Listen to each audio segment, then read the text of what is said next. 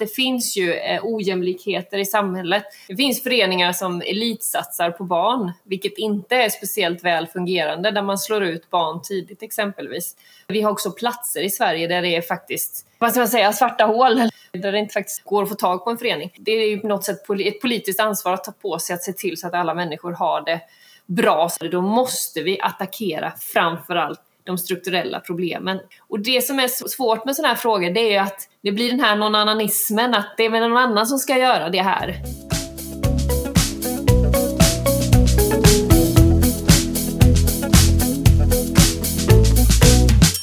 Hej och välkommen till Skolprat, en podd om skola, undervisning och lärande. Jag heter Niklas Åkerblom och vid min sida den oefterhärmliga Karin Rådberg. Hur mår du idag Karin? Jag mår jättebra. Alltså, jag sitter ju på vårt huvudkontor och testar den nya poddutrustningen. Det är ju inte du, för du är ju inte här. Men det är rätt coolt med de här stora mickarna. Alltså. Ljudet som vi har längtat efter så länge. Hur mår du Niklas? Ja, men jag mår bra. Jag är nere på Göteborg på skolledarkonferens här, så jag är lite avundsjuk på dig. Men äh, Dagens gäst är en av de mer välkända gästerna vi har haft. Jag och många med mig är uppvuxna med att följa hennes fantastiska idrottskarriär främst inom sjukamp. Vid 22 års ålder blev hon den yngsta friidrottaren att erövra guld i OS, inomhus och utomhus-VM och både inomhus och utomhus-EM. Hon avslutade sin enastående karriär 2012 och släppte sedan sin bok 2016 Livet är en sjukamp. Min väg till prestation, balans och mening. 2019 blev hon verksamhetschef för Generation Pep och 2021 utnämndes hon till hedersdoktor vid Salgrenska akademin vid Göteborgs universitet för sitt arbete att inspirera till en aktiv livsstil och sitt arbete i organisationen Generation Pep. Varmt, varmt välkommen till Skolprat Carolina Klüft. Tack snälla! Hur mår du idag Carolina? Jag mår alldeles utmärkt. Det är en, en härlig dag idag tycker jag. Jag gillar den här höga luften och eh, lite, ganska ljust och lite solsken här där jag befinner mig i Järvsö. Så eh, jag njuter av en härlig dag. Är Järvsö någon form av hemtrakt för dig nu eller vad, vad gör man i Järvsö?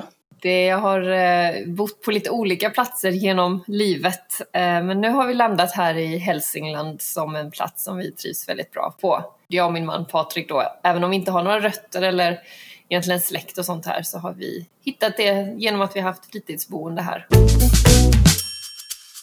Vi har ju bjudit in dig idag för att prata om rörelsevanorna bland dagens ungdomar och framförallt vad vi i skolan kan bidra med för att öka möjligheterna för en aktiv livsstil. Kan du berätta lite om bakgrunden och initiativet till Generation Pep? Absolut. Men vi står ju inför ganska stora utmaningar när det gäller barn och ungas hälsa. Både generellt sett, om vi tittar på alla barn och unga, så ser vi att vardagsrörelsen minskar, stillasittandet ökar och att vi har många olika krafter som drar åt andra hållet, som lockar till stillasittande kanske. Och dessutom jobbar vi ju en hel del med kost också, där vi också påverkas mycket av det vi har runt omkring oss. Och framförallt så har vi också en hälsoklyfta i Sverige, alltså det vill säga det finns barn och unga som har mycket sämre förutsättningar och möjligheter att också få med sig en god hälsa från unga år. Ehm, och den här hälsoklyftan vill vi försöka vara med och påverka att försöka sluta givetvis och ge alla barn och unga rätt till det eh, som de har enligt barnkonventionen, nämligen bästa möjliga hälsa. Så det jobbar vi med och då grundades Generation Pep, eller Generation Pep, eh, 2016 av kronprinsessparet, alltså kronprinsessan Victoria och prins Daniel som ville göra en ännu större och mer fokuserad insats på just barn och ungas fysiska aktivitet och eh, kost. Och jag började arbeta då i organisationen redan 2016 och blev sen verksamhetschef då som du nämnde 2019. Och eh, på de åren så kan man väl säga att vi har jobbat på många olika sätt för att försöka främja eh, barn och ungas hälsa på, runt om i landet med olika insatser där skolan är en viktig del. Och, och att eh, kronprinsessparet var intresserade av att du skulle bli ansiktet utåt för Generation Pep, det kan man ju förstå. Men varför valde du att hoppa på Generation Peps arbete? Vad var det som lockade dig? Nej, men jag kände ju såklart, eh, eftersom jag själv har hittat till rörelseglädje och då behöver vi inte prata ett dugg om elitidrott eller att satsa på idrott, för det blev ju ett nästa steg för mig så att säga. Men för mig var idrotten förknippat med så mycket glädje och att få använda min kropp och få liksom, hitta saker som jag tyckte var kul och där jag också märkte att jag man kunde utmana mig själv och vara nyfiken på olika delar. Och en fråga som låg mig nära till hands att arbeta med mer på det här sättet. En given fråga att tacka ja till. Dessutom så har jag ofta värnat väldigt mycket om de barn som jag har varit förebild för eh, och brunnit mycket för att eh, som göra insatser för barn och unga, även under min idrottskarriär. Om, om man tänker då utifrån skolan, ett av skolans uppdrag är ju att erbjuda fysisk aktivitet varje dag. Och många skolor har säkert lite svårt att veta hur man ska göra detta. Men där kommer ju Generation Pep in. För om man kollar på er hemsida så ser man ju att ni har ett flertal färdiga förslag. Till exempel aktiva raster, fysisk aktivitet som en naturlig del av undervisningen fysisk aktivitet i anslutning till skoldagen men också om skolmåltiden som ja, ett pedagogiskt verktyg. Så jag tänkte om vi börjar prata lite om aktiva raster till exempel. Vad kan man göra som skola? Jag tror att man kan göra mycket. Eh, nu är ju skolans uppdrag såklart att utbilda våra barn och unga, men vi vet att fysisk aktivitet exempelvis och att man får ett bra målmat i magen, att det hjälper till att öka koncentrationen, att man får upp energin och att man blir gladare och har ett allmänt bättre välbefinnande vilket kommer underlätta för att nå resultaten inom skolan när det gäller de olika ämnena. Och då kan man göra mycket tror jag och aktiva raster är ju ett sätt. Det är ju framförallt kanske i låg och mellanstadiet men man kan även hitta sätt att aktivera äldre barn. Men då måste det finnas, dels kanske man behöver ha utrustning, att det är lättillgängligt att hitta prylar kan man säga att vara aktiv med.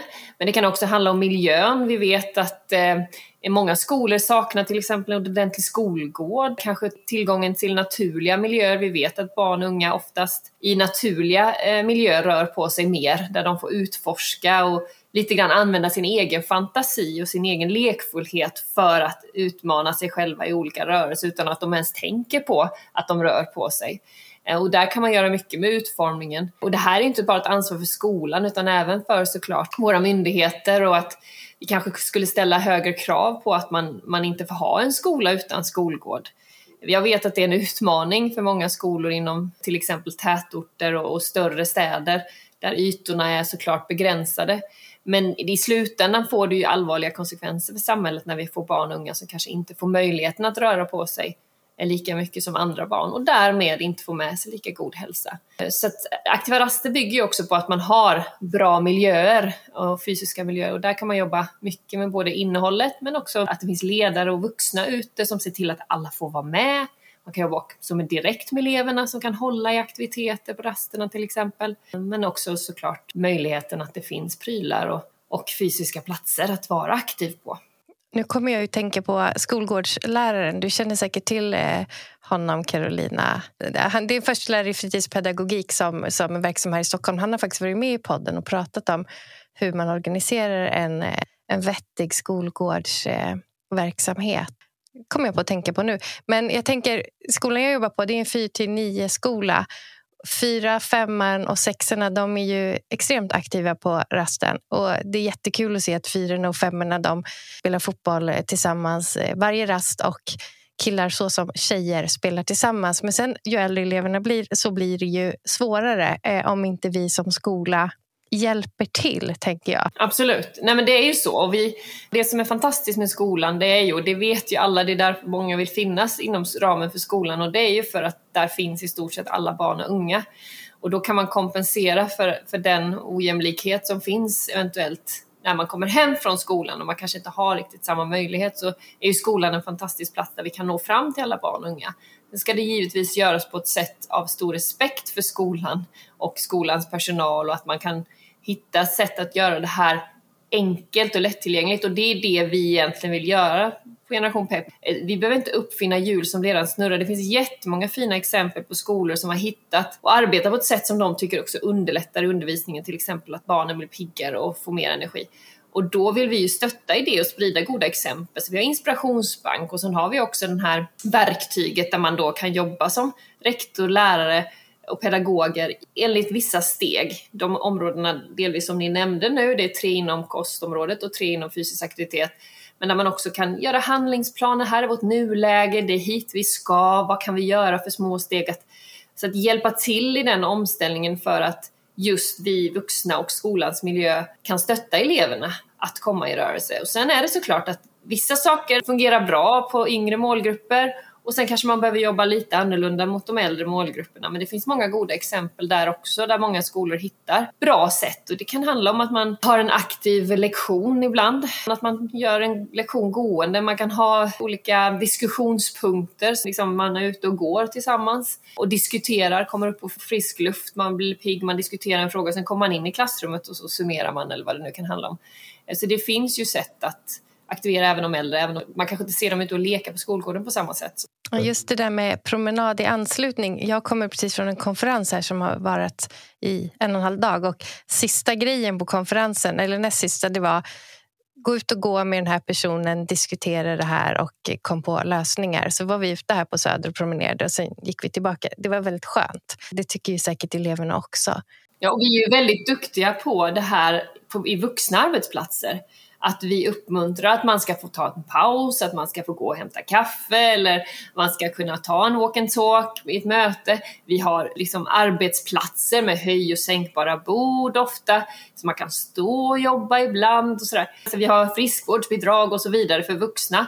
Men när det kommer till barn och unga så är det lite fortfarande att man trillar tillbaka i gamla hjulspår för man är lite orolig att man ska tappa koncentrationen hos de unga och så vidare. Och där är väl egentligen vår uppmuntran att våga testa i små doser först. Se vad man får för känsla, vad får man för respons hos de unga? Fråga barnen, fråga de unga, ta hjälp av dem. Hur skulle vi kunna hitta ett bra sätt för det här? För att få in kanske lite mer rörelse. Vad vill ni? Och så kan inte de få igenom alla sina önskemål, men det kan komma en hel del bra perspektiv och idéer från unga själva som också vet ganska väl att man mår bra av rörelse, men är så svårt att få till. Och sen kan man diskutera, det är ju en helt annan fråga, men den där telefonen och skärmen undrar man egentligen hur mycket den hör hemma i skolans värld utöver att söka information såklart och använda den i undervisningen, vilket är fantastiskt såklart. Det använder vi ju alla. Men i övrigt så kan man undra hur mycket den hör hemma på raster, på fritiden, runt om skolan. För det gör ju också att vi hittar ofta skärmen som har inbyggda mekanismer i sig för att locka oss till att fastna. Och det gäller inte bara barn och unga, det gäller ju oss vuxna också. Ja men definitivt. Och på våra skolor så har man mobilförbud från man kommer tills man går hem. Det är vi glada för. Men en annan sak i det här, skolmåltider, kan vi prata lite om det? För dels så handlar det om att barnen inte tycker om maten ibland, men det handlar också om själva settingen med hur skolmatsalen är utformad, hur det serveras, vilken personal som finns där. Hur, på vilket sätt kan Generation Pep hjälpa skolan när det gäller de bitarna?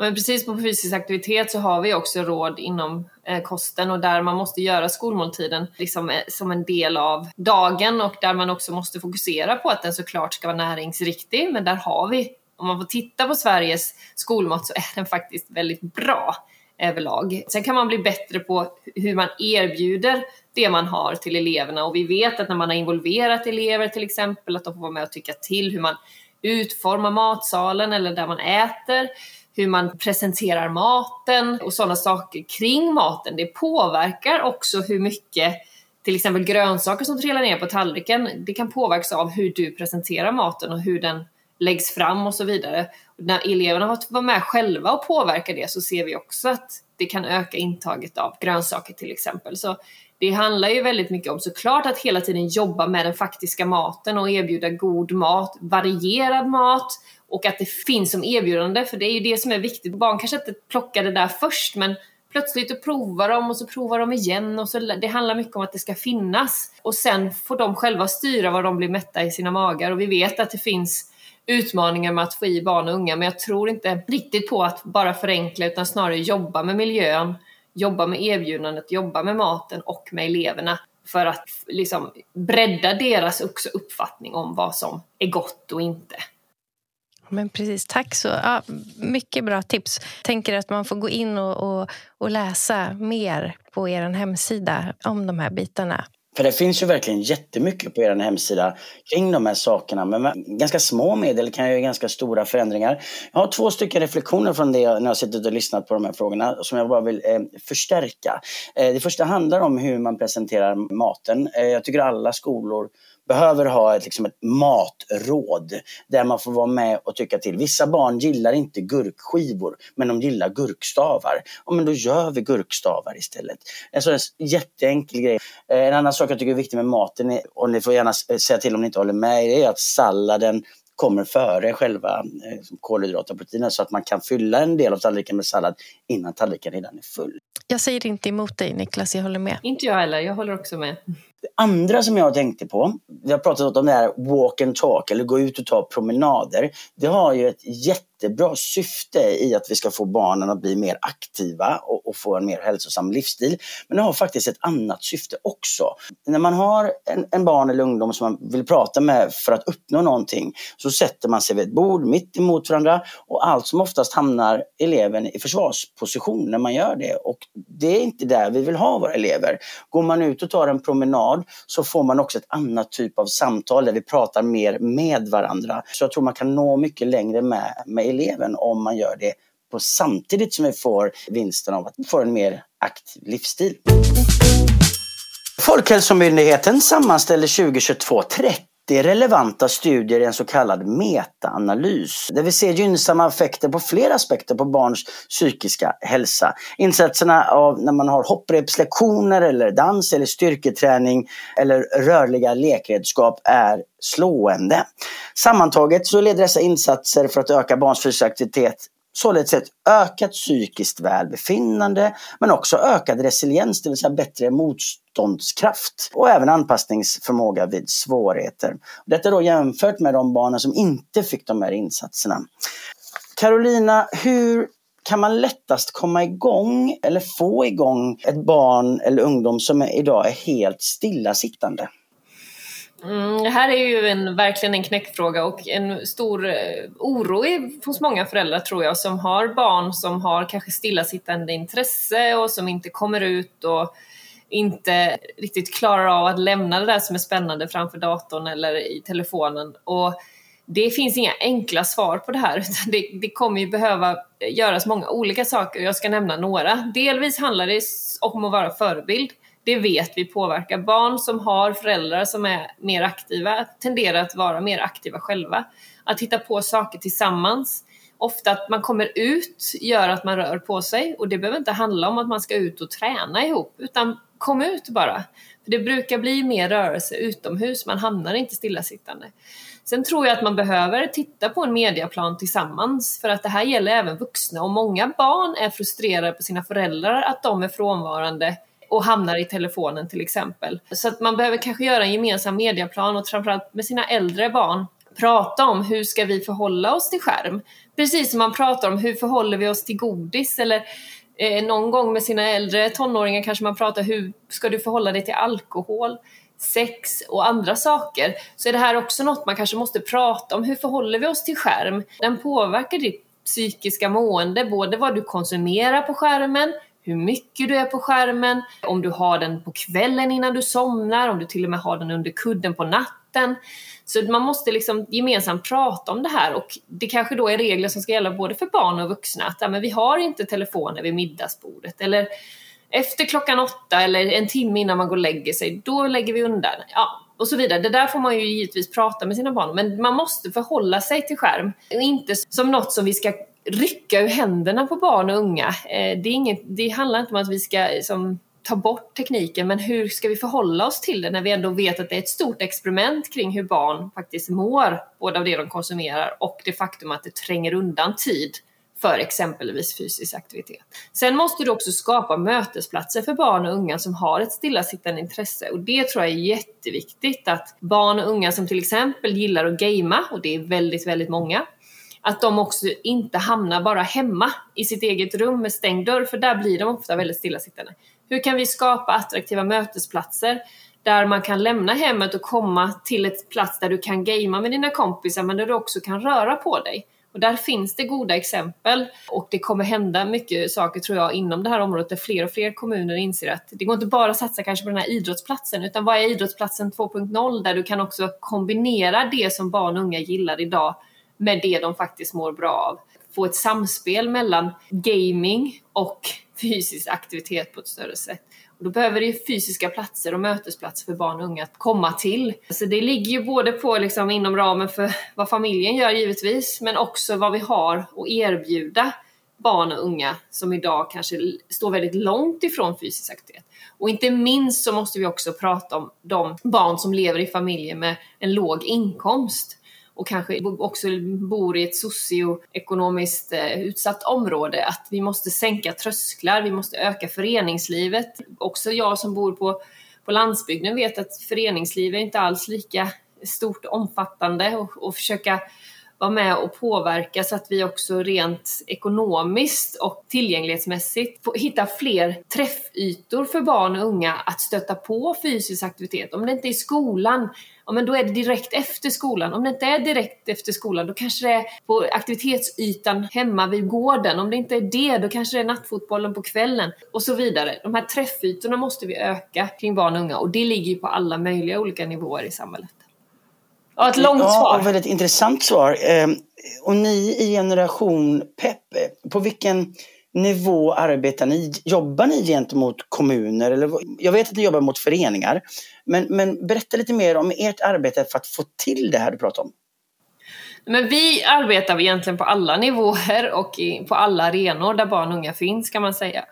Eh, sen gör, är ju vi en liten organisation på så vis att vi är tio som, som arbetar inom organisationen och vi tror inte att vi kommer vända runt det här, men vi tror att med våran kraft så kan vi också lyfta goda exempel, vi kan försöka påverka, vi kan sprida kunskap, vi kan kommunicera, vi kan hitta olika samarbetsinitiativ med andra organisationer. Vi kan skapa ett stort nätverk av många skolor som kan dela med sig till varandra om vad de gör och, och sådär. Så vi ser oss lite som en katalysator för de här frågorna och där vi vill påverka både det här till liksom individer och föräldrar att öka kunskapen och att man får upp ögonen för frågan likväl som föräldrar hos en makthavare, men där vi också påverkar de här strukturerna idag, eller systemen, som inte kanske gynnar barn och ungas fysisk aktivitet och kost just som det är utformat nu, då måste man skruva. Det tar längre tid, det syns inte lika mycket i det arbetet, men det kanske är det allra viktigaste för det jag vill göra egentligen, det är att avveckla Generation Pep,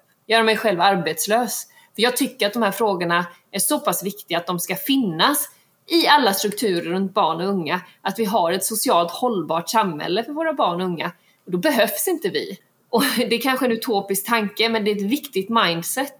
Och om jag kan komma så pass långt så att vi kan skapa insatser som kan få en skalbar och en långsiktig effekt så att om en skola har styrt om sin policy nu jobbar vi på det här sättet. Vi har aktiva lektioner. Det är liksom inget snack. Det spelar ingen roll om det kommer en ny rektor helt plötsligt som inte är lika engagerad i frågan.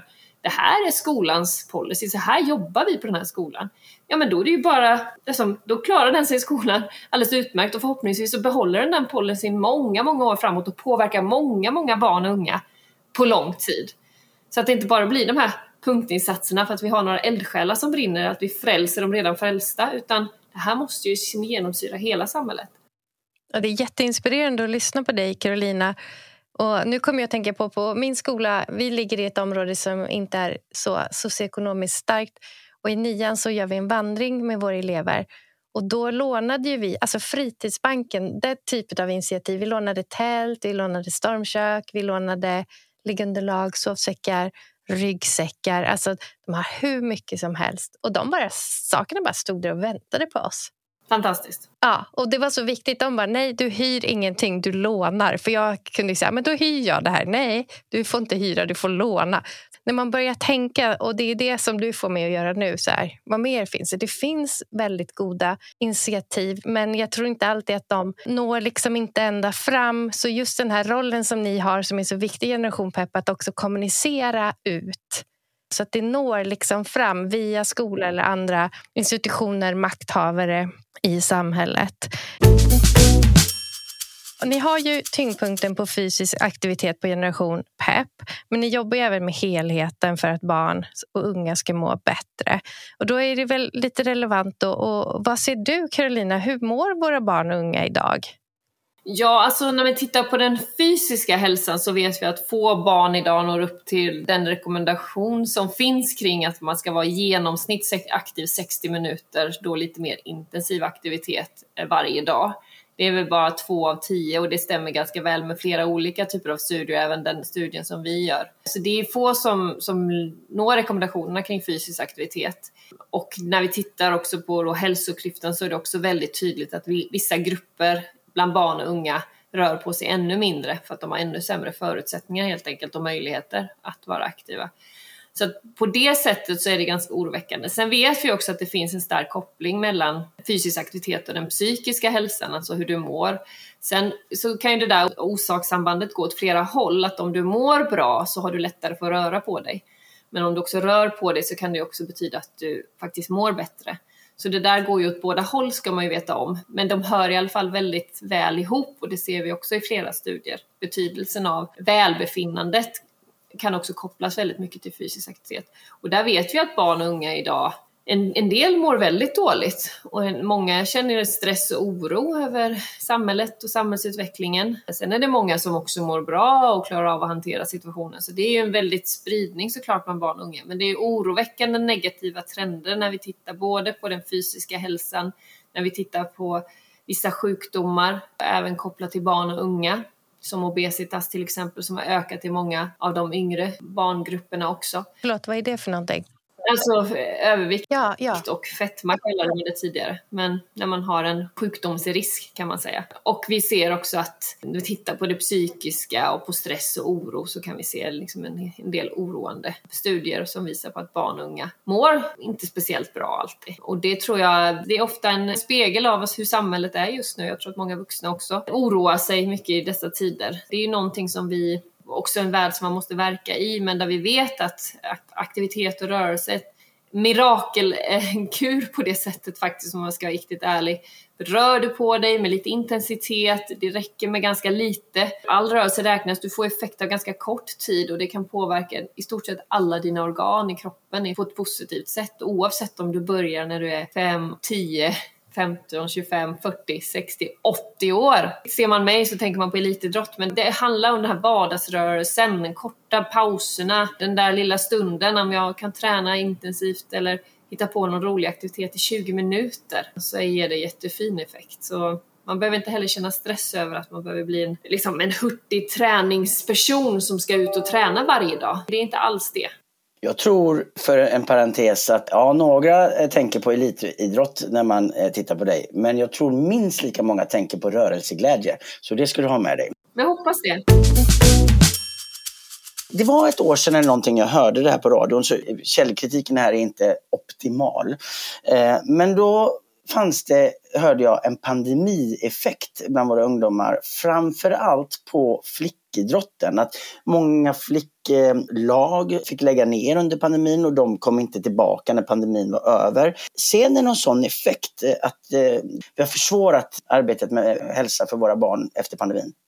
Ja, alltså det finns studier som ganska eh, tydligt visar på att det finns två sidor av det här myntet. Dels så finns det de idrotter och bland en del barn och unga i familjer där man faktiskt har blivit mer fysiskt aktiv. Man har ju använt promenadstråk och natur, alltså man, har varit, man har varit ute mer helt enkelt tillsammans för att man helt enkelt inte har varit inne ja, av smittoskäl framför allt, men även utanför familjen. När man firade julafton med släkten, men då gjorde man det ute och då blev det mer, man tog en promenad och man fick mer fysisk aktivitet. Men å andra sidan så har vi den andra sidan av myntet för de som redan har det kanske tufft. Speciellt nu också i de här tuffa ekonomiska tiderna men även under pandemin när oron var stor och det då var ännu svårare. Och flickor de är lite mer känsliga också har vi sett när det gäller det sociala. Om en eller två kompisar slutar, då slutar jag för att jag, jag, är inte, jag har inte tillräcklig motivation för att vara där och göra min idrott men min motivation bygger på att jag får gå dit och träffa mina vänner och hänga med dem. Då tappar man många flickor. Och också det här att man kommer ur sina vanor. Så när vi var ju väldigt kritiska till att man ställde in fritidsaktiviteter för barn och unga för att det är bättre att liksom hitta sätt att få dem att fortsätta för att tappar man sina vanor och man kommer ur så är det lite svårt att hitta tillbaka. Nu ska vi också titta närmare på det här i vår nästa studie kopplat till ekonomi också. Vad prioriterar man bort när det också nu är tuffa tider för många? Då är ju risken att man tar bort sådana här saker som barnens fritidsaktiviteter kanske eh, för att man helt enkelt inte har råd. Inte för att man inte vill ge sina barn det bästa möjliga hälsa eller att de ska få idrotta eller vara på den här aktiviteten. Utan för att man helt enkelt tvingas till att skära på någonting. och det är lite svårt att ta bort mat på bordet. Men då kanske man tar bort den där fritidsaktiviteten. Det finns alltid flera sidor av problemet, men generellt sett så kan man säga att det är, ju, det är tufft för många just nu. Sannerligen. Det, det vi inte vill prioritera bort, bort det är ju barnens välbefinnande. Eh, och det, hoppas att vi kan eh, ändå sluta upp och eh, hjälpa varandra i den frågan.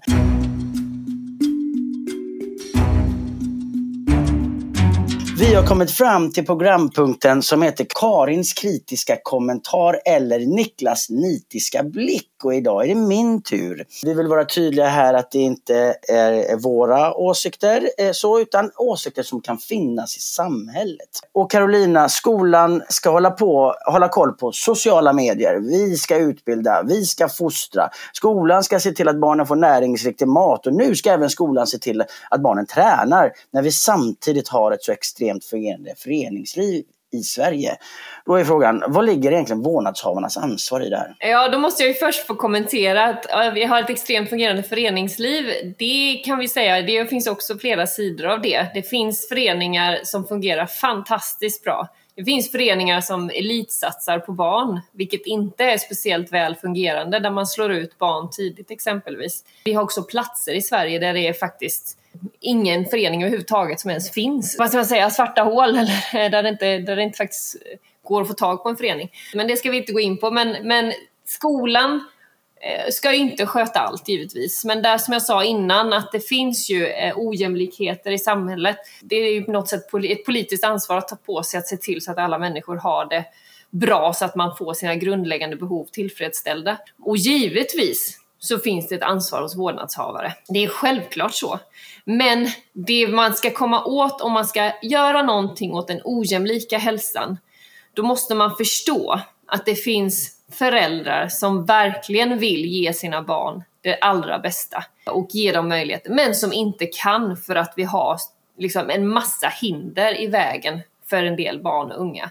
Och det finns vårdnadshavare som har barn med en neuropsykiatrisk funktionsnedsättning eller en fysisk funktionsnedsättning som vill att sina barn och där barnen vill vara aktiva i föreningslivet till exempel. Men det finns inte grupper som är anpassade för de här barnen exempelvis. Så det är klart att det finns ansvar hos alla vårdnadshavare men det finns också strukturella problem. Och för att göra något åt samhället och skapa ett mer hållbart samhälle då måste vi attackera framförallt de strukturella problemen på systemnivå.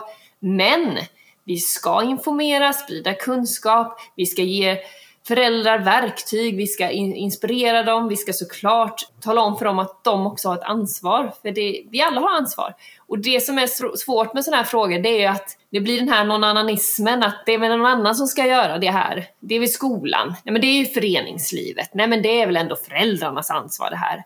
Men det, sanningen är ju att vi alla har ansvar och då måste vi istället för att tänka så här, det är väl någon annan som gör det, så måste vi alla tänka, vad kan jag göra? Vad är mitt ansvar i det här? Så vi måste ta ett gemensamt ledarskap istället för att backa och säga att vi har ett delat ansvar, för då blir det ofta så att man inte gör någonting för att man tänker att någon annan tar det. Och jag håller med till 100 procent på den. Och än så länge i hela mitt liv, som än så börjar bli ganska långt, så har den här personen, någon annan, inte dykt upp. Fast ibland har jag letat under stenar och stockar det finns inte, verkar inte finnas.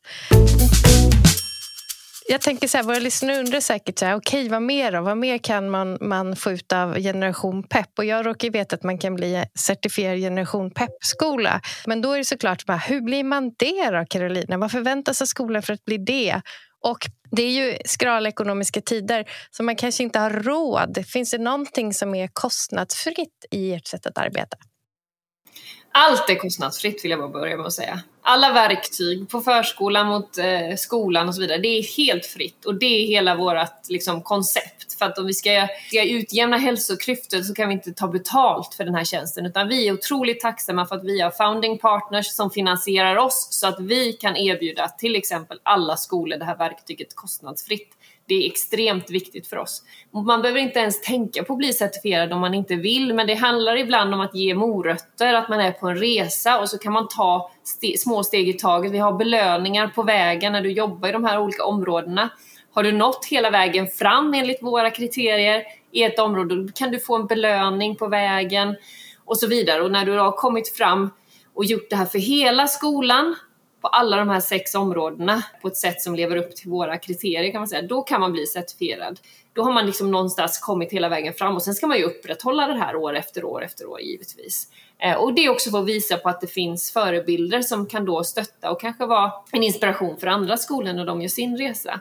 Men certifieringen i sig är inte viktig utan det är att börja med någonting. Börja ta tag i kanske en av de här områdena och börja steg för steg och jobba i verktyget som är kostnadsfritt. Sen finns det en massa andra jättebra. Fritidsbanken nämnde du till exempel och vi har rörelsesatsningen i skolan som RF har som också är jättebra. Vi har skol-IF, anordna aktiviteter direkt efter skolan. Så det finns massor med bra organisationer. Vi har ett verktyg man kan jobba som är kostnadsfritt och på vår inspirationsbank kan man hitta till massa andra organisationer. In och titta på den. Vi kommer ju såklart lägga länk till Generation Peps hemsida i anslutning till det här, så, så klicka er dit.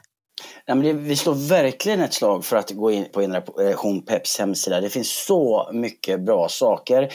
Vi vet samtidigt att så sitter man som lyssnare och lyssnar på detta så tänker man det ska jag göra. Sen kommer man tillbaka till en vardag och så försvinner det i någonting annat man ska göra. Så som avslutning på våra poddavsnitt så brukar vi be våra gäster om tre tips till lyssnarna utifrån dagens tema. Och för alla de då där det försvinner att man ska gå in på Generation Peps hemsida vilka är dina tre bästa tips för att vi som skola ska kunna bidra till en mer aktiv livsstil bland våra ungdomar? Ja, då ska vi se. Jag skulle vilja lägga det på lite olika nivåer. Dels så tror jag att man ska direkt ta kontakt med sin rektor på skolan. För någonstans så vet vi att det här är någonting som många i skolan tycker är viktigt och att man trycker på om att det här måste vi jobba mer med. Så att man förankrar det i organisationen. För när vi är ensam pedagog eller några stycken som kämpar för det här, då brukar det sällan bli så mycket förändring.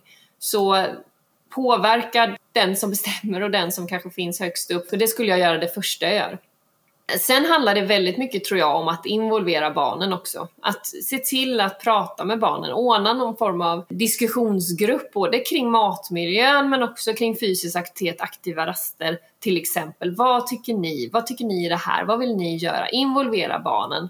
Få med deras perspektiv. Så både liksom underifrån, den här kraften i barnen eh, och de unga men också prata med ledningen där uppe. Och sen också kan man gå till sig själv. Börja själv med dig. Ta dig ut på rasten. Är du ute på rasten när du har ett break? Jag vet att tiden är kämpig och stressig för många lärare, men om du har fem minuter, ta den där varvet runt ena skolbyggnaden eller ställ dig mitt i korridoren och kör några benböj liksom, för nu ska jag göra min rörelsepaus. Så det handlar mycket om att gå till sig själv också och visa att oavsett vem jag är, oavsett om jag identifierar mig som en träningsperson eller inte, så börja med dig själv och det du kan göra utifrån din klass eller din plattform i ditt personalrum.